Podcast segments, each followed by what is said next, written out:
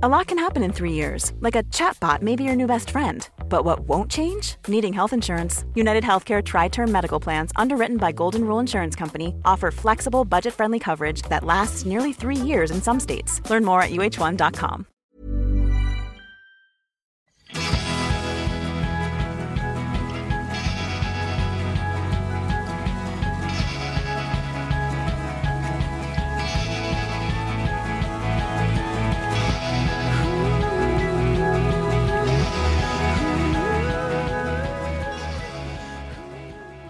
Dr. Paul Clayton är farmakolog och forskare inom nutrition. Han kan helt enkelt väldigt mycket om det här med matens påverkan på kroppen. Och han ska nu ha ett samtal tillsammans med Lina om matberoende. Finns det någonting som heter det egentligen och hur definierar man det i så fall? Ja, det börjar i alla fall där, det här samtalet och sen glider in på en massa andra spännande saker. Så luta dig tillbaks och njut av denna otroligt spännande intervju med Dr. Paul Clayton. Hi and welcome Paul Clayton. Hello there from Florida. Hello, Lena. Hello, Food Pharmacy. We're so grateful to have you in our podcast once again. Today, I I was thinking about asking you some questions in regards to food addiction. But before we start, I would like to for you to tell us where did your interest in food and health start? I mean, this goes back um, at least six and a half decades. I've always been interested in food and cooking. And um, as time passed, now I'm moving up towards 1968, and I went to medical school um, I was taking all kinds of classes then, not just in the medical school, but also in the veterinary course as well. And they were talking a great deal about nutrition. And uh, it just seemed to me um, illogical that this should not also be a significant component in medical training. But that was all about um, physiology, anatomy, biochemistry, bacteriology, you know, all the rest of those subdisciplines. And then at the end of all of that, the answer was always going to be a pharmaceutical product, inevitably, because a large part of the structures of medicine, whether you're talking about training or practice, have largely been captured, increasingly so, by the pharmaceutical industry, which has a concentration of wealth and political leverage that has increasingly constrained the, uh, medic- the medical profession's professionals' ability to um, to to help their patients in any ways that are not contained within far, largely pharmaceutically defined diagnostic and treatment algorithms. So my interest in food has a long history, and it's become more pronounced uh, the more I've learned about the limitations of um, pharmaceutical orthodox medicine. Mm. When you talk about food and health, it's hard not to talk about the obesity pandemic that we are encountering. Mm. And that has led to a pandemic in other lifestyle related diseases. So, why is that? Why is the world suffering from an obesity uh, pandemic? Well, there's more than one answer. And you could start off by saying, quite reasonably, that um, our food environment has changed in a way which encourages obesity. That is, we're consuming more foods now which are ultra processed and very energy dense and non satiating and addictive. And we'll come to that. And at the same time, for many of us, our lifestyles have become significantly less physical. And so our levels of physical activity and then calorific throughput have declined by as much as 50%, perhaps even more, since, let's say, the second half of the 19th century. So on the one hand, we're consuming these very energy dense foods, which don't really satisfy hunger cravings. On the other hand, we're utilizing less calories than before in physical activities. And here we are, we're at the the junction of these two very negative forces. And from this perspective, um, the, um, the, the continuously increasing problems of overweight and obesity make um, really they, they seem pretty obvious the reason why I think we have been so unable to get to grips with them is that we're not addressing the root causes of this problem. Uh, drugs are certainly not the answer, whether you're talking about amphetamine derivatives or whether you're talking about Wegovy, uh, you know, which is the most recent, um, you know, drug of choice. These are not the answers. The problems are deeply embedded uh, in in our society, and they require really more radical approaches than the pharmaceutical industry can can offer us. Mm. Would you would you consider food addiction a real thing? Uh, well, this is a debate that has been going on um, in addiction and generally psychological circles for um, uh, probably a couple of decades now, and I I've been following a lot of this. Now, first of all, uh, let me just say I'm not an expert in addiction. Um, nor am I really an expert in food addiction, but it is an area that greatly interests me. And so I do write about it and I do try to keep up with some of the research. And I would say that until recently, the case was looking stronger that food addiction was a real thing. Still wasn't completely proven, but there was a very interesting paper came out in the journal Addiction in uh, November of last year, uh, written by Ashley Gearhardt and Alexandra DiFeliceantonio. And they're a couple of scientists who are based in Virginia and Michigan here in the United States. And I think that they've done a great deal to finally crystallize this debate out. And they looked at it like this What are the, uh, the primary criteria, the scientific criteria that denote addiction? Does this apply to ultra processed foods, which occupy an increasingly large share of our shopping basket and our and our dinner tables these days? They're typically foods full of refined carbohydrates and, and added fats. Do the primary scientific criteria that we use when we think about addiction, do they actually apply to these foods? So what are those criteria? Well, one of them would be Does this product or do these products cause highly controlled or compulsive and repetitive use? Uh, do they cause mood altering effects via an effect, via an effect that is perhaps measurable in terms of some aspect of brain activity?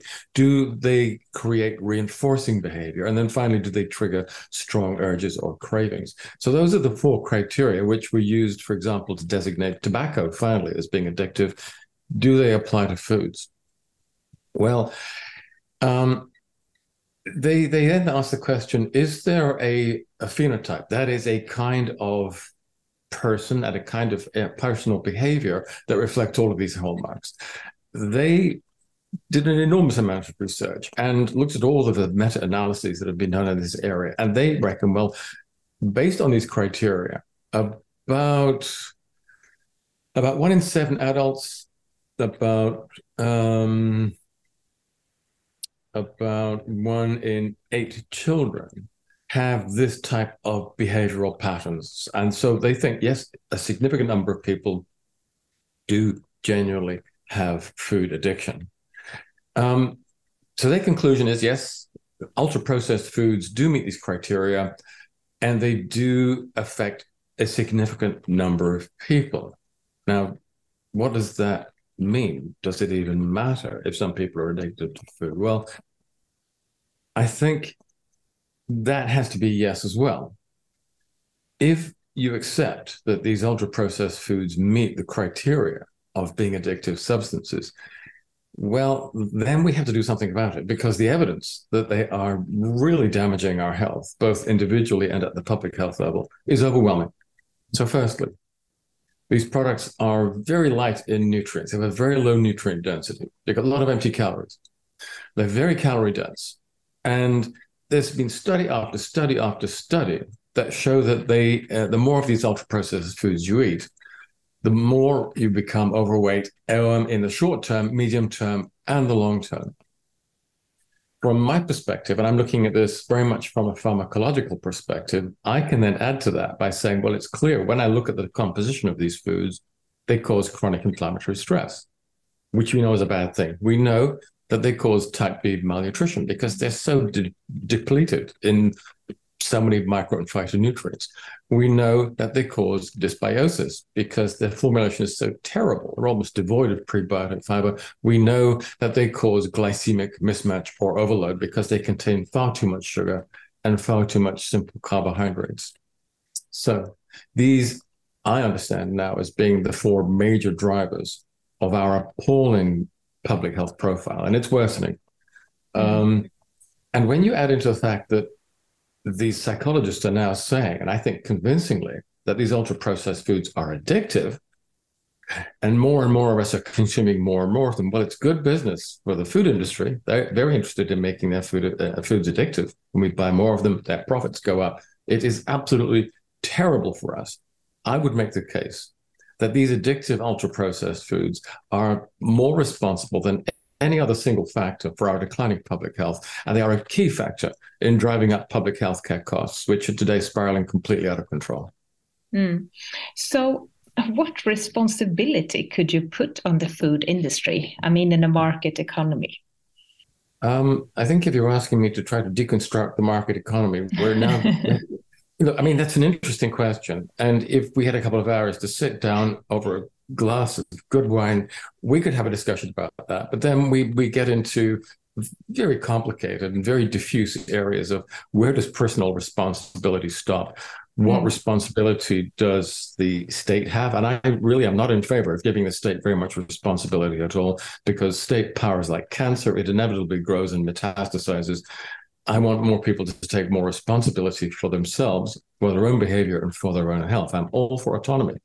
Mm. The problem is that we are outgunned, heavily outgunned by a multinational food industry that is grotesquely irresponsible, that is concerned only with its profit margins, and it's all about the privatization of profit, but the shedding of responsibility onto the shoulders of us, the poor, misinformed, uninformed, diseased, and dying consumers. So mm. it's an unfair situation it's an unequal situation. And I think that it's going to be very important at some stage to bring legal pressure to bear on the food industries in the same way that it was brought to bear on the tobacco industries, uh, industries to restrict sales of their toxic, addictive products. The same criteria apply to the food industries today and require similar solutions, in my view. Mm. As a Swede, I'm sure you know that um, uh, in Sweden, the, the politicians have had a strong influence over how we organize people's life. I mean, it, it has changed uh, enormously uh, during the last 20 years, but still we are um, we are very used to um, tax as um, instrument for changing uh, behavior and uh, things like that.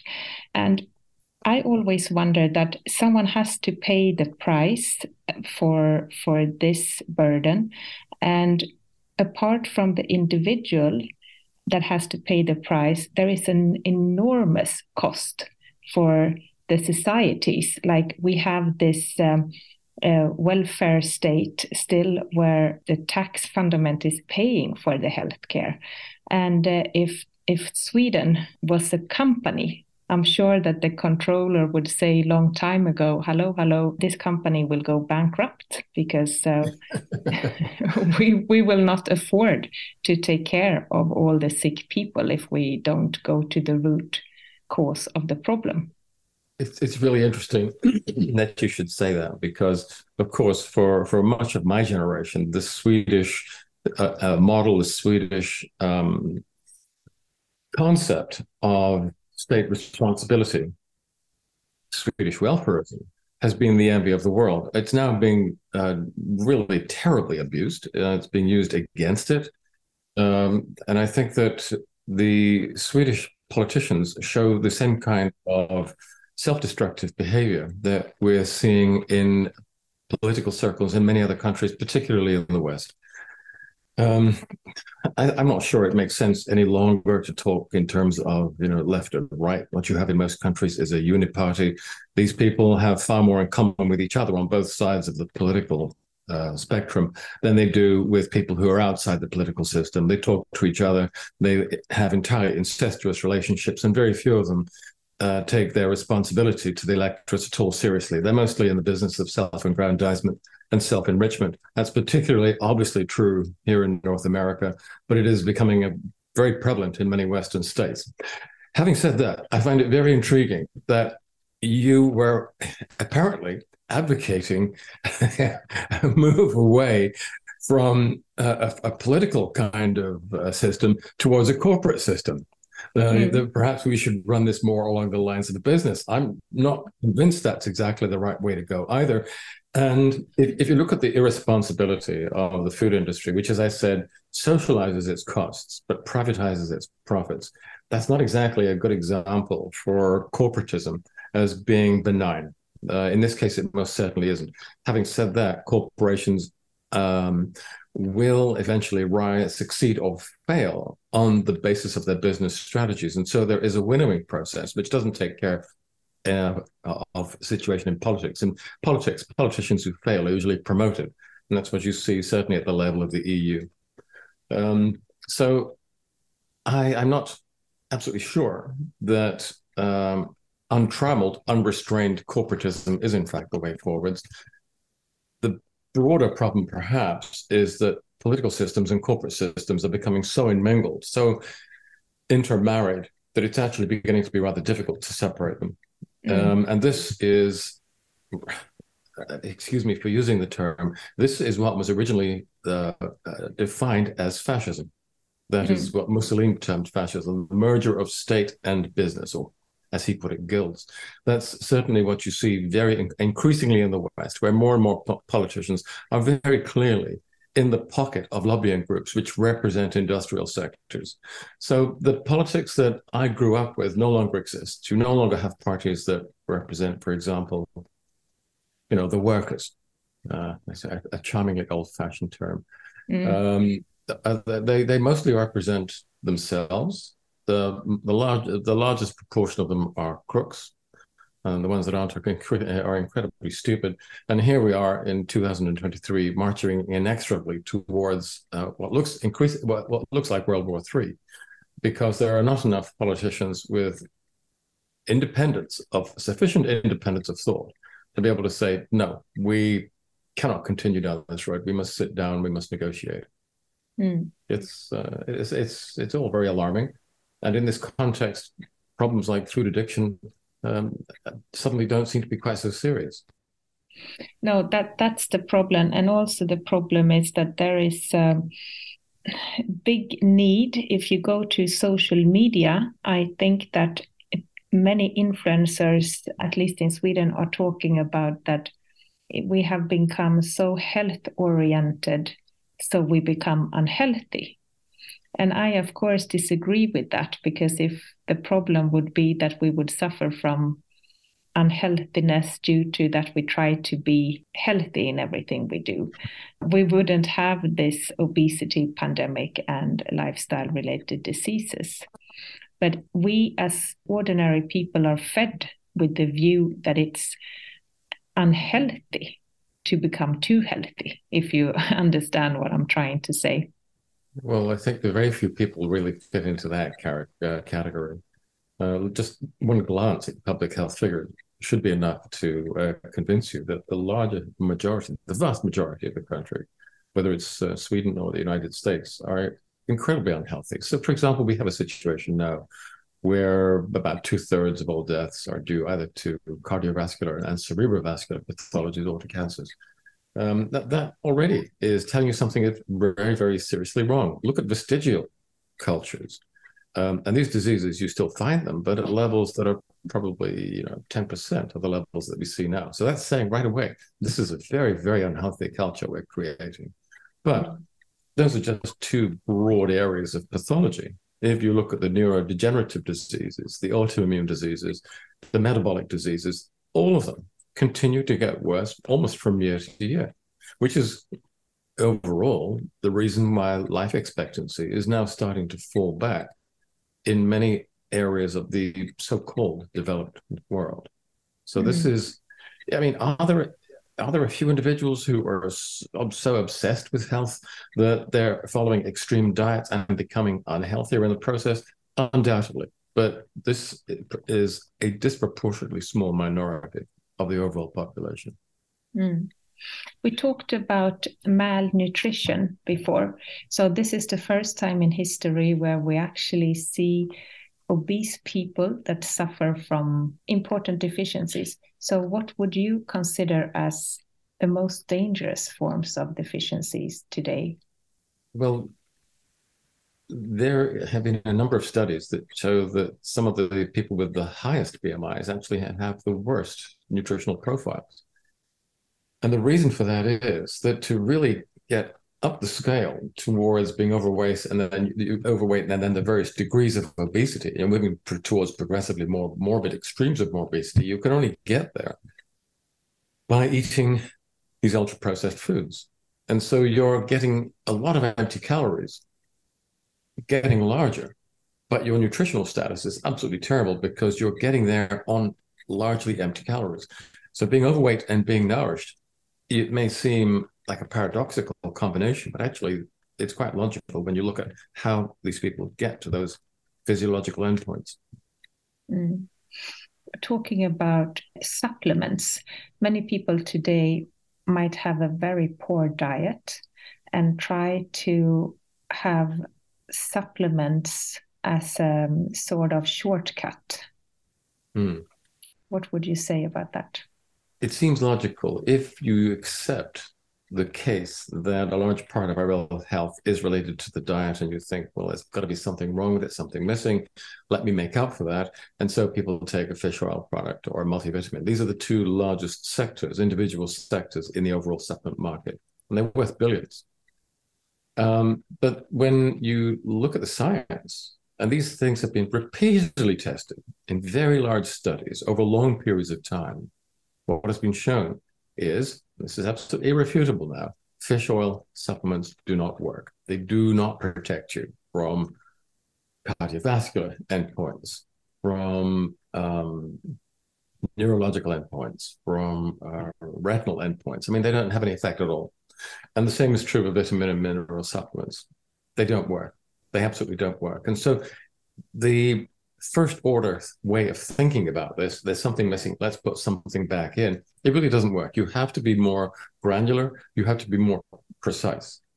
Um, and that's what I've been trying to do. That's what I've been looking at really for the last uh, 20 years. And I think we are now at a point where we can move on from simply talking in terms of diseases of civilization. And you may have heard me talk about this.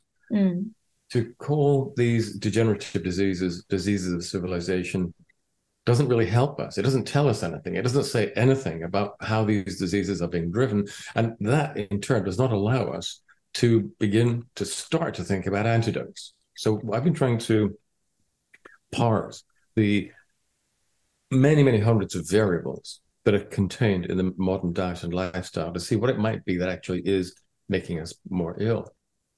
And I think we're at a point now where we can identify four main drivers and a couple of minor ones, which between them are making us much more vulnerable, which are um, reducing our ability to buffer ourselves from the the problems and the stresses that you incur just by being alive. So the margins of safety that have been built into us by the evolutionary process at the cellular level and at the tissue level and at the organism level, they're all being overloaded and they're being overrun.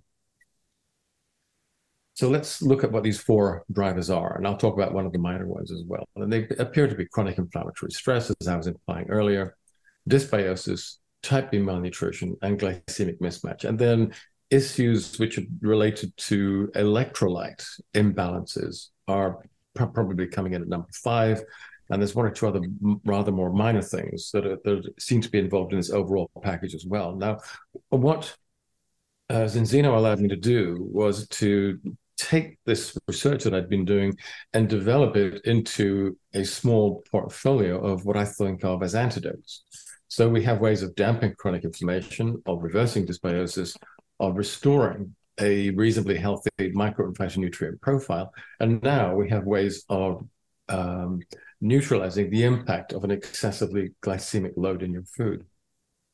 And what we're seeing when we do this in the people who follow this regime, I think what we're doing is we're putting your metabolome in a time machine and we're sending it back 150 years to a time before ultra processed foods existed, to a time when people's health expectancy was better than it is today.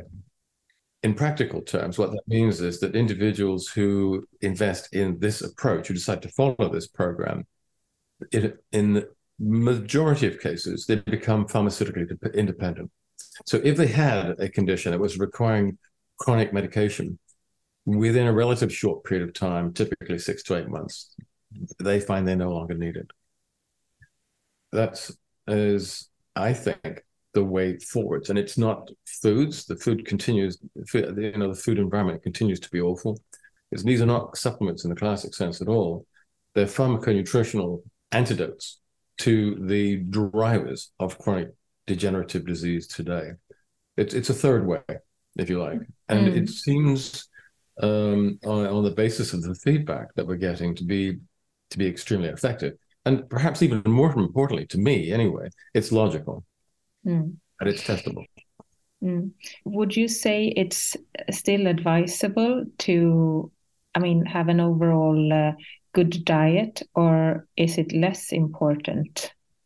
You know, those the bad news is is that if you're really lazy and you love junk foods, the, it's probably going to be sort of okay to keep on indulging all of your vices, providing you use this program. I didn't really want to admit that. What I would rather say to everybody is honestly, it is better if you stop eating these ultra processed foods, which is so in their which in their current generation are so bad for you, and learn how to cook with basic produce. And I would urge people to do that anyway, because those types of foods taste so much better. And you learn mm. how to cook and to work with seasonal produce, and it anchors you to the real world and to nature in a way that buying these um,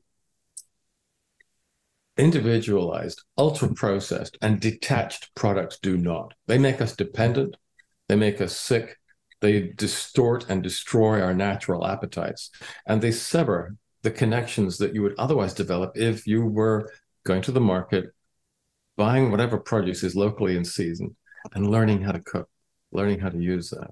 So I'm I'm all in favor of um, you know taking a very old fashioned approach to to your eating. And if you have access to, let's say, a little garden where you could you know grow some of your own food, it, again, do that not just for your health, but because in a much in, in a way that is equally profound, it brings you back into touch with the real world, as opposed to the world that you enter through your, the screen of your mobile phone, which is not quite as real.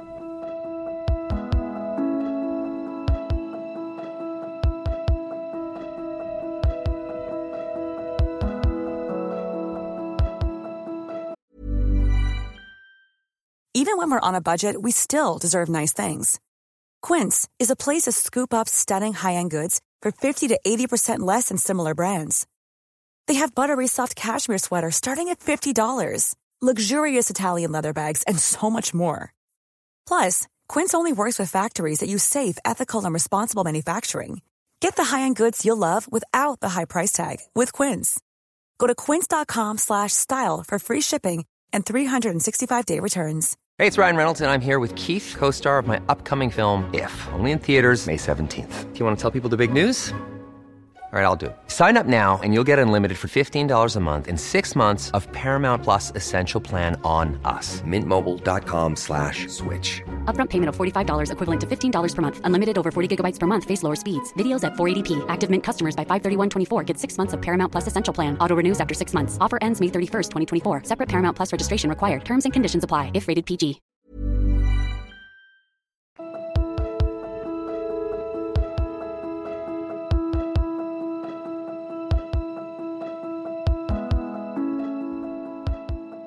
So if you sit and listen to this and um, and you suffer from overweight, obesity, and maybe malnutrition, where would you recommend to start? Because it's so overwhelming. I mean, we know that you can't exercise your way out from a bad diet. No. And um, what are the advice you would tell someone that has lost hope in a way and and can't see clearly where to start? I think that um, if you're really in a bad situation where you're very overweight, you're very regularly consuming these ultra processed foods, I think we come back to where we started. Consider this issue of addiction. Now, there are various um, anti addiction programs, some of which are very like the programs that were designed and work, you know, with some efficacy to help people to uh, come off their addiction to, let's say, alcohol or to other drugs. Mm, um, like um, 12 step program we're talking exactly, about. Exactly. Mm. This has actually been used uh, with some success uh, in, in uh, by some therapists and other people. And this is really interesting because, again, it goes to the idea of these foods being addictive. Some people have actually tried treating food addiction with naltrexone, which is, you know, there's the anti-opiate. Mm. um, I didn't know. Yeah, yeah. Some people are doing that, and they, have had they've also had uh, some success. And be aware. I mean, the problem is the food industry uses bliss point technology, which was developed by Howard Moskowitz back in the um, 80s or 90s, and it's been refined to such a point that they are able to make these foods, which, in terms of mouthfeel and flavor, have this wonderful impact. I mean, you know, everybody loves chocolate and ice cream, and those types of foods. But the problem is these types of foods, which by delivering a lot of sugar, a lot of fats, they raise what we call the TIG index. And the TIG index is uh, really bad news. It's probably the best marker we have for determining how likely you are to go on to develop, for example, cardiovascular disease. We also know from other scientists' work that this type of diet really damages the hippocampus, um, and the nucleus uh, accumbens in the hypothalamus. And they lead eventually over time to damage to these structures, which means that your appetites become distorted. You forget what it felt like to enjoy um, good food. So the hippocampus again a little bit esoteric, but but it's interesting to me and to anyone else who's interested in neurophysiology. Some really good work was done on this, uh, which showed that even after a short period of eating these rather these rather dangerous and addictive foods, test subjects developed cravings for more of the same, even when they're not hungry. They also show impaired cognition. Their ability to think actually becomes degraded, and this creates a perfect marketing loop. You eat the junk, you like it, you crave more junk, you forget just how bad that junk food made you feel, and then you eat more of it. Mm-hmm. and yeah. as I said, if you eat enough of this for long periods of time, the normal uh, relationship between the, the, the, the, the parameters of hunger and the appetite for ultra processed foods is completely broken. So that people will then start reaching for biscuits and candy bars even when they're not hungry. Mm. And the more you go down that road, the more degeneration and destruction you see in the hippocampus, and that is directly related to distortion of appetite, neuroinflammation, impaired mental health, impaired intelligence. And we've got some really good data to show that now, and a hugely increased risk of neurodegenerative disease. Mm. So, my advice would be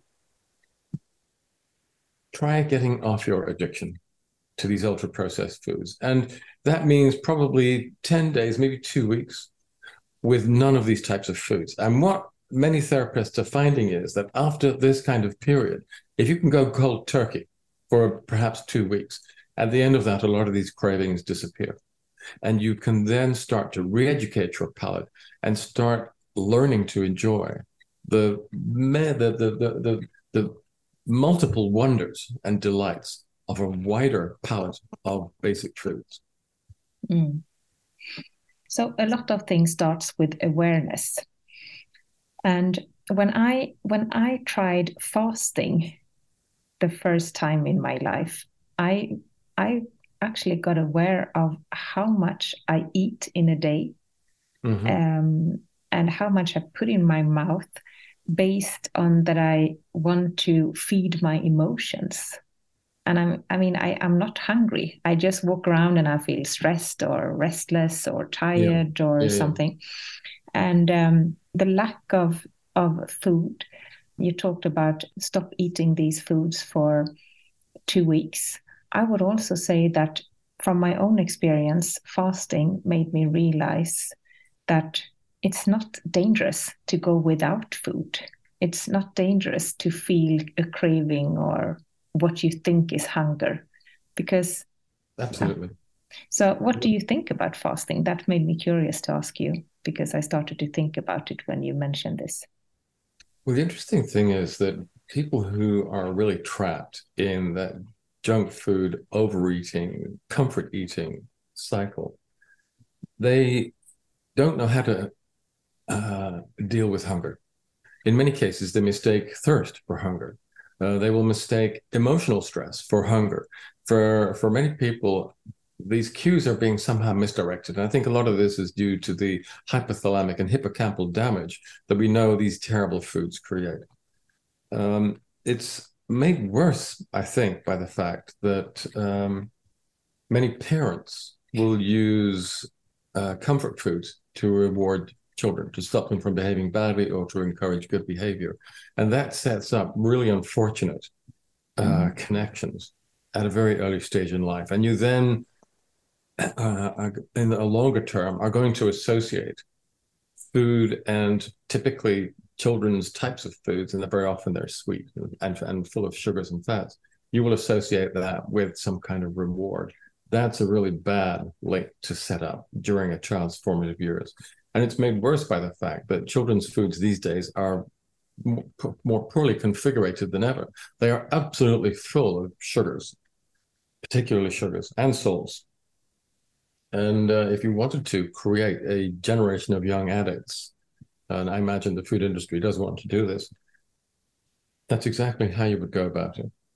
Mm. But the idea of stepping off this escalator and understanding what hunger is, and understanding that being hungry is not going to harm you, and you can survive it, and that eventually the feelings of hunger pass and you move into a kind of a flow state where you actually get more energy and you feel better. And when the fat time finally does come to eat, you enjoy it more. I mean, you can you can move from a vicious circle to a virtuous circle, but you have to step off that conveyor belt to begin with. That mm. might be a little bit difficult to begin with, but um, hunger is not something to be feared, not at all. Actually, it's to be welcomed. Yeah, because the food never tastes as good as when you experience true hunger. That's absolutely true. so we, we talked about drugs in the beginning of this um, episode. We talked about drugs against obesity. And I understand you're not in favor of these drugs, but I mean, isn't the problem that if you get on a drug against your obesity, you will have to eat that for all your life because when you stop, you will probably go back to getting obese again, or?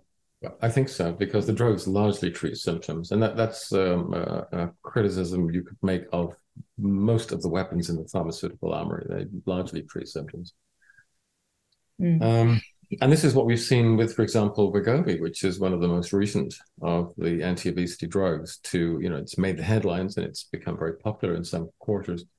And we already know it's, it's we've seen we've seen this happening. That once people stop the course, they put the calories back on. Well, if you go back to your old habits, your old lifestyle, which is in many cases characterized by low levels of physical activity, and uh, an excessive amounts of ultra processed foods with all their empty calories, then of course you're going to go back to where you were.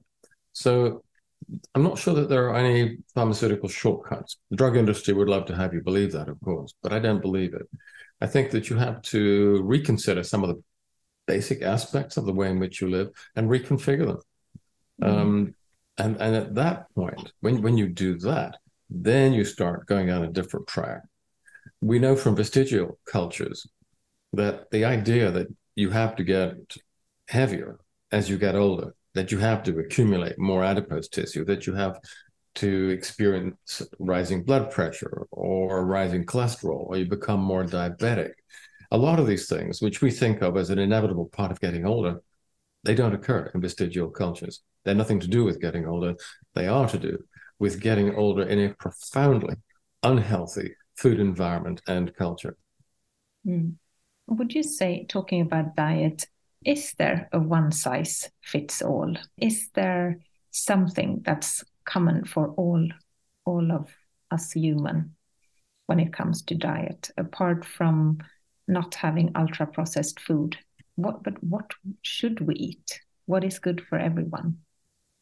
Well, I think that one of the, I don't want to be too prescriptive. I mean, some people feel more comfortable on certain types of diets than others, but I don't believe in the blood type diet.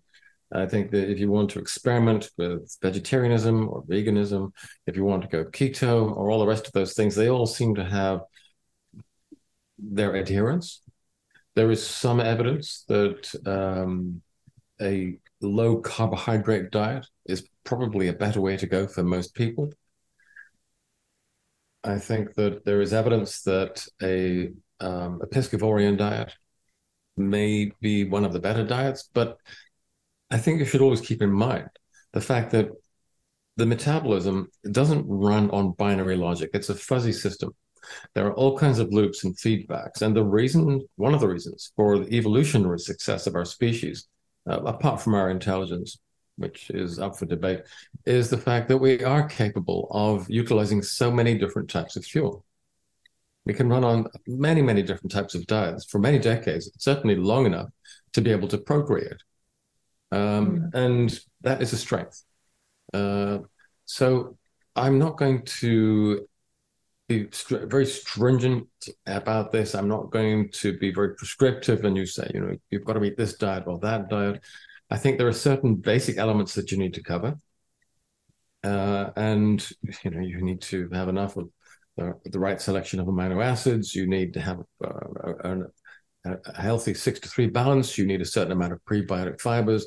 Then you have to cover your micro and phytonutrient requirements as well. If you do all of that, already you're going to be well set up. After that comes the fine tuning. That's where food preferences come in. That's where local food availability comes in. That's where cultural preferences come in as well.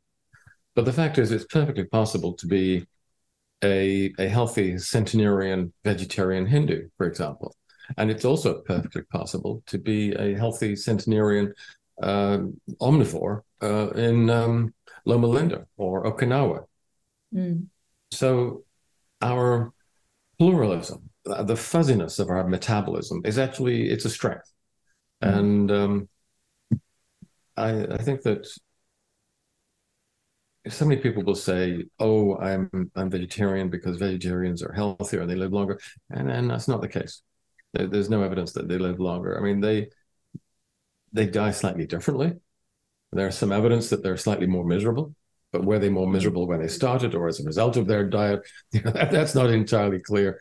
Uh, so in, in the end, you make your personal choices. That's fine, but get the get the basics right. Mm. How do you eat yourself? Um, indiscriminately. Yeah. Well, I, I, cook everything. I don't.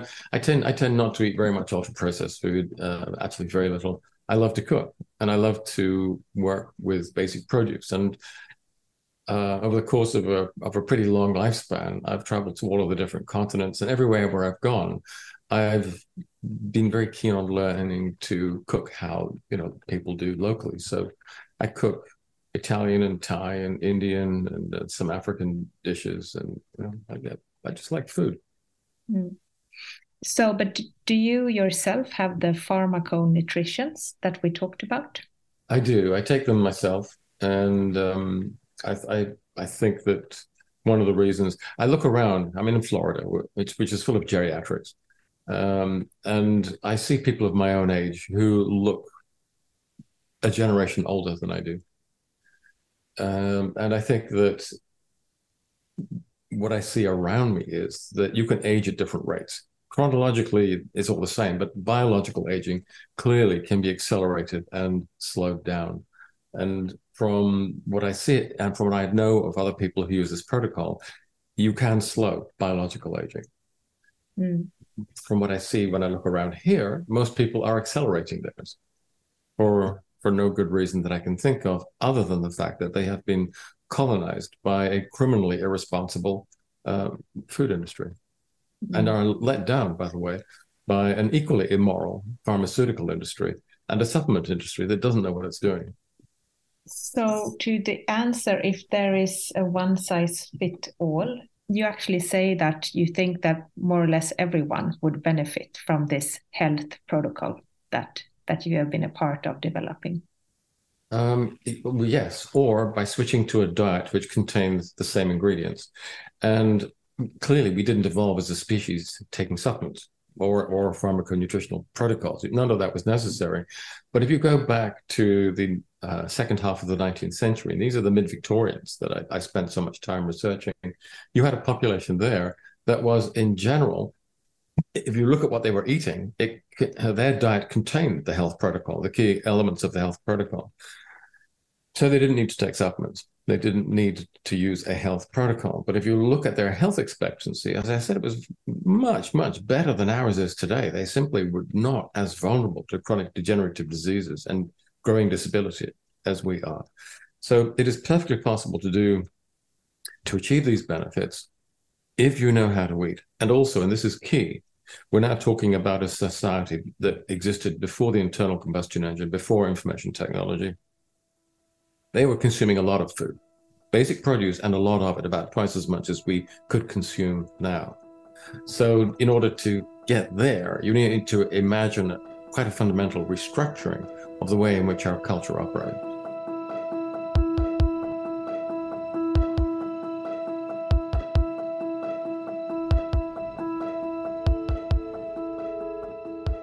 We did touch on um, programs that had been developed to help people with food addiction. And there is yes. a group called Overeaters Anonymous, which maybe, I don't know if it exists in Scandinavia, but certainly it's here in the United States. And they use this to, uh, uh something that's very like the, the 12 step program that was originally developed for Alcoholics Anonymous. Um, I think it's really difficult dealing with food addiction because you can stop drinking alcohol because you don't, you know, you don't actually need it unless you're psychologically, um, you know, pretty damaged but you can't stop eating. No. Uh, you can take people out of an environment where there is um, heroin or fentanyl or tobacco. You cannot remove people from an environment which contains food because we are required to eat in order to live. So I think that these types of um, food addiction programs are really useful and they will work better if they're combined with an educational component which explains to people the damaging, the very destructive nature of ultra processed foods and cooking classes. People need to be um, reassured that learning how to cook with basic produce is actually really easy. It used mm. to be that um, it was a fairly uh, commonplace for schools to have a class on what was called domestic science in the core curriculum.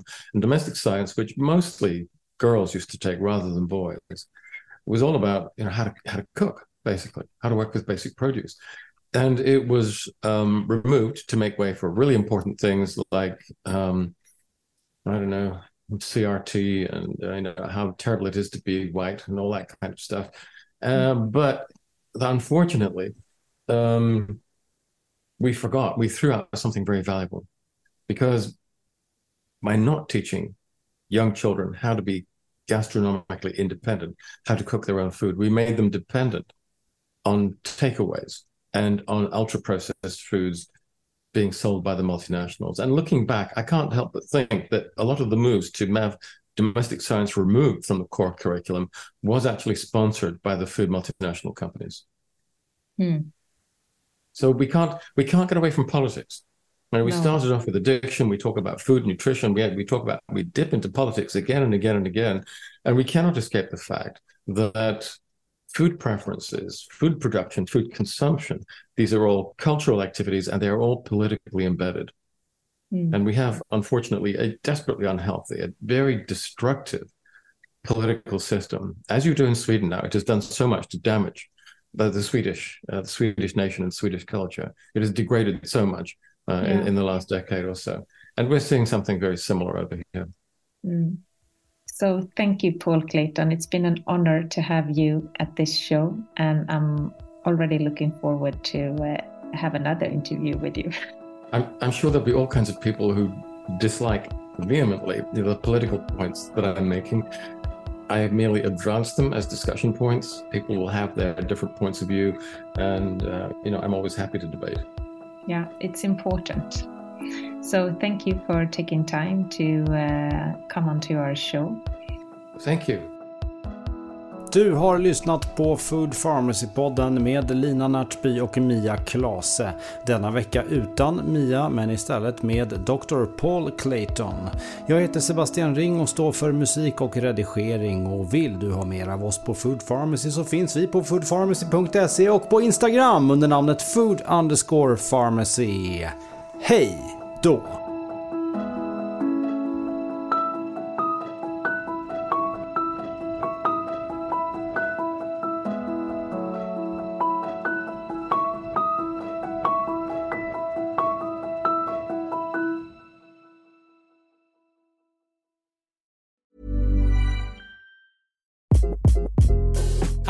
This is Craig Robinson from Ways to Win, and support for this podcast comes from Invesco QQQ. The future isn't scary, not realizing its potential, however, could be. Just like on the recruiting trail, I've seen potential come in many forms as a coach. Learn more at Invesco.com slash QQQ. Let's rethink possibility. Invesco Distributors, Inc. Imagine the softest sheets you've ever felt. Now imagine them getting even softer over time. That's what you'll feel with Boll and Branch's organic cotton sheets. In a recent customer survey, 96% replied that Bowl and Branch sheets get softer with every wash. Start getting your best night's sleep in these sheets that get softer and softer for years to come. Try their sheets with a 30-night guarantee. Plus, get 15% off your first order at bollandbranch.com. Code BUTTERY. Exclusions apply. See site for details.